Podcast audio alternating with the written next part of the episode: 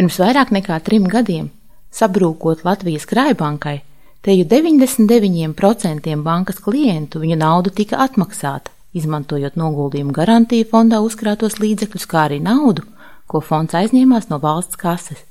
Tomēr 438 klienti, kuri krājbankā glabāja summas virs 100 tūkstošiem eiro, bankas kraha dēļ kopumā zaudēja aptuveni 285 miljonus eiro. Viņu vidū bija maestro Raimonds Pauls un izdevniecības žurnāls Santa līdzīpašniece un galvenā redaktore Santa Anča.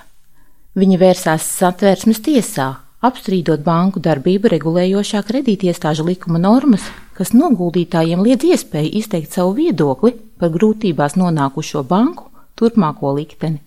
Ja spēkā būtu likums, kuru pat laban izskata sēma, Latvijas krājbanka iespējams izdzīvotu. Proti, Likums, kas izstrādāts, lai pārņemtu pērn tapušu Eiropas Savienības direktīvu, paredz daudz plašākas iespējas banku glābšanai. No tāda viedokļa, ka īpašnieks kaut ko darīs, tas, protams, nekas nemainīsies. Ja viņam būs griba un līdzekļi, viņš darīs, nu, nebūs griba, būs līdzekļi, nedarīs, nebūs līdzekļi, nebūs griba, arī nedarīs, ja nevar. Vienkārši ir radīts mehānisms, ka, ja akcionāri negrib vai negrib neko darīt, viņa atbildība jau paliks tā pati, ka viņš atbild ar ieguldīto kapitālu. Norāda Finanšu un Kapitāla tirgus komisijas eksperts Jānis Plācis, uzsverot, ka tieši tādēļ banku glābšanas mehānismu plānots pilnveidot, nosakot, ka banku glābšanā iesaistāmi arī lielie noguldītāji. Tas nozīmē, ka Raimondam Paulam, Santai Ančai un citiem lielajiem noguldītājiem piedarošā nauda tiktu ieguldīta bankas kapitālā un viņi kļūtu par bankas akcionāriem. Ja tad vēl nepietiek kapitāla, seko nākamās iespējas, mūsu gadījumā subordinētie noguldījumi tiek konvertēti kapitālā. Ja tad vēl nepietiek, tiek konvertēti noguldījumi. Nu, tur atkal ir atrunāts, kur un kā. Tas neatiecās uz tiem noguldījumiem, kas ir līdz 100 tūkstošiem, jo tie vienalga garantēti. Un tā var konvertēt tās akcijas, kamēr kapitāla pietiek un banka ir atbilst visām prasībām. Tas ir ļoti vienkāršs šaurs, bet uh, tas nozīmē, ka sistēmiski vai nesistēmiski banka principā pastāv mehānisms, kā to banku atjaunot, neizlietojot valsts līdzekļus. Banku augstskolas lektors, juridisko zinātņu doktors Jānis Grāsis atminas, ka mehānisms, kādu tagad plānots ieviest visā Eiropas Savienībā, Latvijā jau reiz pielietots bankas glābšanā. Pirmo komercbanku tieši tāpat izglābt, kā vienkārši piespiedu kārtā lieliem noguldītājiem. Iedeva akcijas, nu, tad pamazām, pamazām nav tāda atpakaļ. Nē, tas nav nec viens, nec risks, nu, kā jau pasaka, nu, pēc būtības tāda nulles vērtība no tāda viedokļa, jo nu, tā ir bezizdeja vienkārši. Jā. Labākais risinājums no visiem citiem risinājumiem. Nē, nu, tas ir labāk nekā neko nedabūt šādā gadījumā. Par likuma sagatavošanu atbildīgās saimas budžeta komisijas vadītājs Kārlis Čadurskis ir pārliecināts, ka cilvēki, kuru uzkrājumi pārsniedz 100 tūkstošus eiro, ir gana kompetenti, lai spētu sevi pasargāt no kļūšanas par banku akcionāriem piespiedu kārtā. Es domāju, ka tie investori, kas eh, operē ar eh, ļoti lielām naudas summām, kas līdz ar to varētu kļūt par šiem piespiedu akcionāriem, es domāju, ka viņi vadās nu, ne tikai pēc tādas pavirši iegūtas informācijas, bet pietiekami dziļi analizē teiksim, bankas dzīvotspēju. Es domāju, ka viņi seko līdzi arī, piemēram, kapitāla pietiekamības ne tikai to, vai tā atrodas noteiktos limitos, bet arī dinamikai. Šadovskis īpaši uzsver, ka likuma mērķis ir nodrošināt banku sistēmas stabilitāti un mazo noguldītāju aizsardzību. Tā ir samērīga un saprātīga prasība, kādā secībā tiek sekti banku zaudējumi, ja ir notikušas šāda veida problēmas. Un, e, patiesībā sakot, gan Eiropas komisijas, e, gan citu Eiropas Savienības pārvaldes struktūru šeit e, tas prioritāšu saraksts ir pilnīgi skaidrs un saprotams un, manuprāt, loģisks, ka pirmām kārtām mums ir jāaizsargā mazie noguldītāji. Latvijas Komercbanku asociācijas padomnieks Jānis Brazovskis gan ir pārliecināts, ka plānotās izmaiņas var veicināt lielo noguldītāju uzvedības modeļu maiņu. Es neteiktu noguldītājiem, es teiktu, ka tas attiecās uz ieguldītājiem. Ja no noguldījums mēs nošķiļam tie, tie, kas ir garantēti, tie nekādā veidā nepiedalīsies. Par ieguldītājiem, jā, protams, un tie ir savukārt tie riski, kas katram ieguldītājam ir jāizvērtē, un viņi, protams, pielāgosies ar laiku, un tās bankas kuras arī pielāgosies šim visam laikam, nu, tas viss izlīdzināsies un atspoguļosies kapitāla cenās. Vienlaikus ar likumu, kas paredz pilnveidot banku glābšanas mehānismus, saimā tiek skatīts arī jauns noguldījuma garantija likums. Saimas budžeta komisijas vadītājs Kārlis Čadurskis gan teica, ka maz ticams, ka Latvijas banku sektors vēl kādreiz var nonākt situācijā, kad ir jāiedarbina noguldījumu garantiju fonds.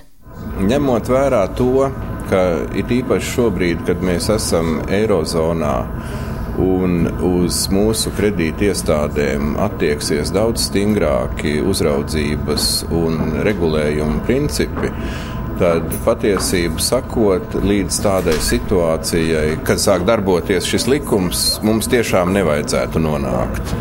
Jo pašreiz viena daļa uzraudzības funkcija, protams, paliek eh, Finanšu kapitāla tirgus komisijai, viena daļa tiek nodota Eiropas centrālajai bankai, un Finanšu kapitāla tirgus komisijai ir jāiesniedz daudz nopietnākas atskaites par savu darbu Eiropas centrālajai bankai. Nu, tātad šis četru vai vēl vairāk acu princips eh, tiek iedibināts, nu, manuprāt, efektīvā veidā. 2011. gadā, pirms Latvijas Krājbankas kraha, noguldījuma garantija fondā bija uzkrāti aptuveni 200 miljoni eiro. Taču, lai izmaksātu garantētās atlīdzības bankas noguldītājiem, fonds no valsts kases aizņēmās vairāk nekā 250 miljonus eiro. Līdz šim Krājbankas likvidators fondam jau atmaksājis vairāk nekā 240 miljonus taču bankrotējušās bankas saistības pret fondu vēl ar vienu sasniedz 247 miljonus eiro. No banku veiktajām iemaksām garantija fondam izdevies uzkrāt gandrīz 90 miljonus eiro. Ar šo summu gan nepietiktu, ja kāda vērā ņemama banka nonāktu situācijā, kad tās klientiem jāsāk izmaksāt valsts garantētie noguldījumi. Taču, kā uzsver Finanšu un Kapitāla tirgus komisijas eksperts Jānis Placis, Salīdzinājumā ar situāciju pirms pāris gadiem, tagad paplašināts arī noguldījumu garantiju fonda iespējas aizņemties kompensāciju izmaksai nepieciešamo naudu. To drīkst aizņemties arī no finanšu tirgus dalībniekiem, tas ir bankām. Eiropā runā par noguldījumu garantijas sistēmām. Mēs visu laiku sašaurinām noguldījumu garantiju fondus. Jo līdz šim, līdz šīs pēdējās direktīvas pieņemšanai, bija vismaz divas tādas standarta pieejas. Viena bija, ka veido fondu ar iepriekšējām iemaksām. Citas valsts fonds vispār neveidoja. Bija garantijas sistēma, kur bija paredzēts, ka gadījumā, ja kas notiek, tad to naudu savāc. Nu, tādos apstākļos manā uztverē tas var radīt tādas problēmas, kuras es jau minēju. Ka tajā brīdī, kad jāsavāc kaut kāda noteikta summa, varbūt ne, nedrīkst ekonomiskā nozīmē, nedrīkst ņemt to tik daudz naudas, jo tad arī tās bankām būs problēmas. Tā kā tas, ka mums bija fonds eh, no paša sākuma, tas jau bija tāds manā uztverē solis pareizā virzienā. Atbilstoši jaunajai kārtībai, banku iemaksas noguldījumu garantiju fondā kļūs mazākas, jo mainīsies to aprēķināšanas mehānisms skaidro Latvijas Komercbanku asociācijas padomnieks Jānis Brazovskis. Arī ir ekonomiski pamatotāki atskaitījumi kas eh, būs, teiksim, salīdzinot ar šiem atskaitījumiem, kādus mēs tagad veicam, mums būs jāiemaksā fondā mazāk. Tādēļ, ka vienkārši mainās tā bāze, no kuras aprēķina tos maksājumus, kas mums ir jāveic fondā. Proti, ja šobrīd mēs maksājam no visiem noguldījumiem, tad eh, pēc likuma spēkā stāšanās maksājumi būs jāveic tikai par sektiem noguldījumiem. Tas varētu būt kādi nu, 40% no tā, ko mēs šobrīd maksājam fondā. Finanšu un kapitāla tirgus komisijas eksperts Jānis Placis vēl piebilst, ka nepieciešamības gadījumā banku uzraugi var noteikt bankām lielākas iemaksas garantiju fondā. Tomēr tas būtu jādara piesardzīgi. Ja gadījumā sākās problēmas un sāk trūkt naudas, tad drīkst eh, paņemt eh, papildus no bankām, bet tur ir nosacījums, ka jāņem vērā, ir kāda iespēja tas atstāt bankas finansiālo stāvokli. Tad cilvēciski runājot, nevar pieļaut, ka glābjot vienu banku, tagad tiek no citām bankām savākt naudas, ka nu, tagad tās paliks tādā situācijā, ka tās pašas būs jāglābj. Iedzīvotājiem, kas glabā savus uzkrājumus vai kam ir algas konti bankās, īpaši dara zināt, ka jaunais noguldījuma garantija likums paredz saīsināt termiņu, kādā uzsākama kompensācija izmaksa, atzīmē Saimnes budžeta komisijas vadītājs Kārlis Čadurskis. Noguldītājiem izmaiņu būs salīdzinoši maz, bet dažas būs patīkamas. Proti, iepriekšējā 20 dienu termiņa vietā tagad ir 7 dienas.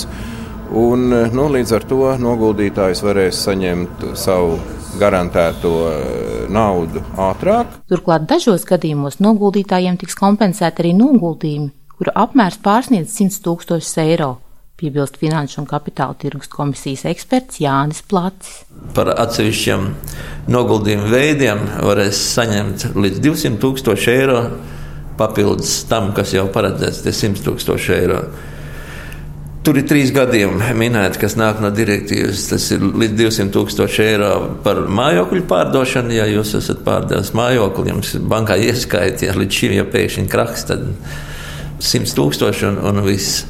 Tagad būs iespēja to papildus dabūt, pie tam tā nauda trīs mēnešu laikā trīs mēnešu laikā viņi nogulēs bankā, tad varēs dabūt to atlīdzību. Un, principā, jebkuram tur trīs mēnešu laikā var izvērtot par citām bankām, lai būtu līdz 100 tūkstoši eiro. Jauno noguldījumu garantiju likumu, kā arī likumu, kas paplašina banku glābšanas iespējas, plānots pieņemt tuvāko mēnešu laikā, norāda Placis. Direktīva eh, pilnā apmērā būs spēkā no 16. gada 1. janvāra, kur šos instrumentus varētu izmantot. Mēs esam paredzējuši, ka Latvijā būs spēkā līdz likuma pieņemšanu šie pilns instrumentu klāsts. Nu, galvenokārt tas minētais, ko es minēju par konvertēšanu, noguldījumu konvertēšanu akciju kapitālā. Savukārt finanšu ministrs Jānis Rērs vēl īpaši piekodina. Te gan jāpiebilst, ka par vienu visas amatpersonas ir vienisprāts Iedzīvotājiem, kuru rīcībā esošās naudas apjoms pārsniedz valsts garantētos 100 tūkstošus eiro, vislabāk šo naudu būtu glabāt dažādās bankās. Madara Friedrichsone, Latvijas radio.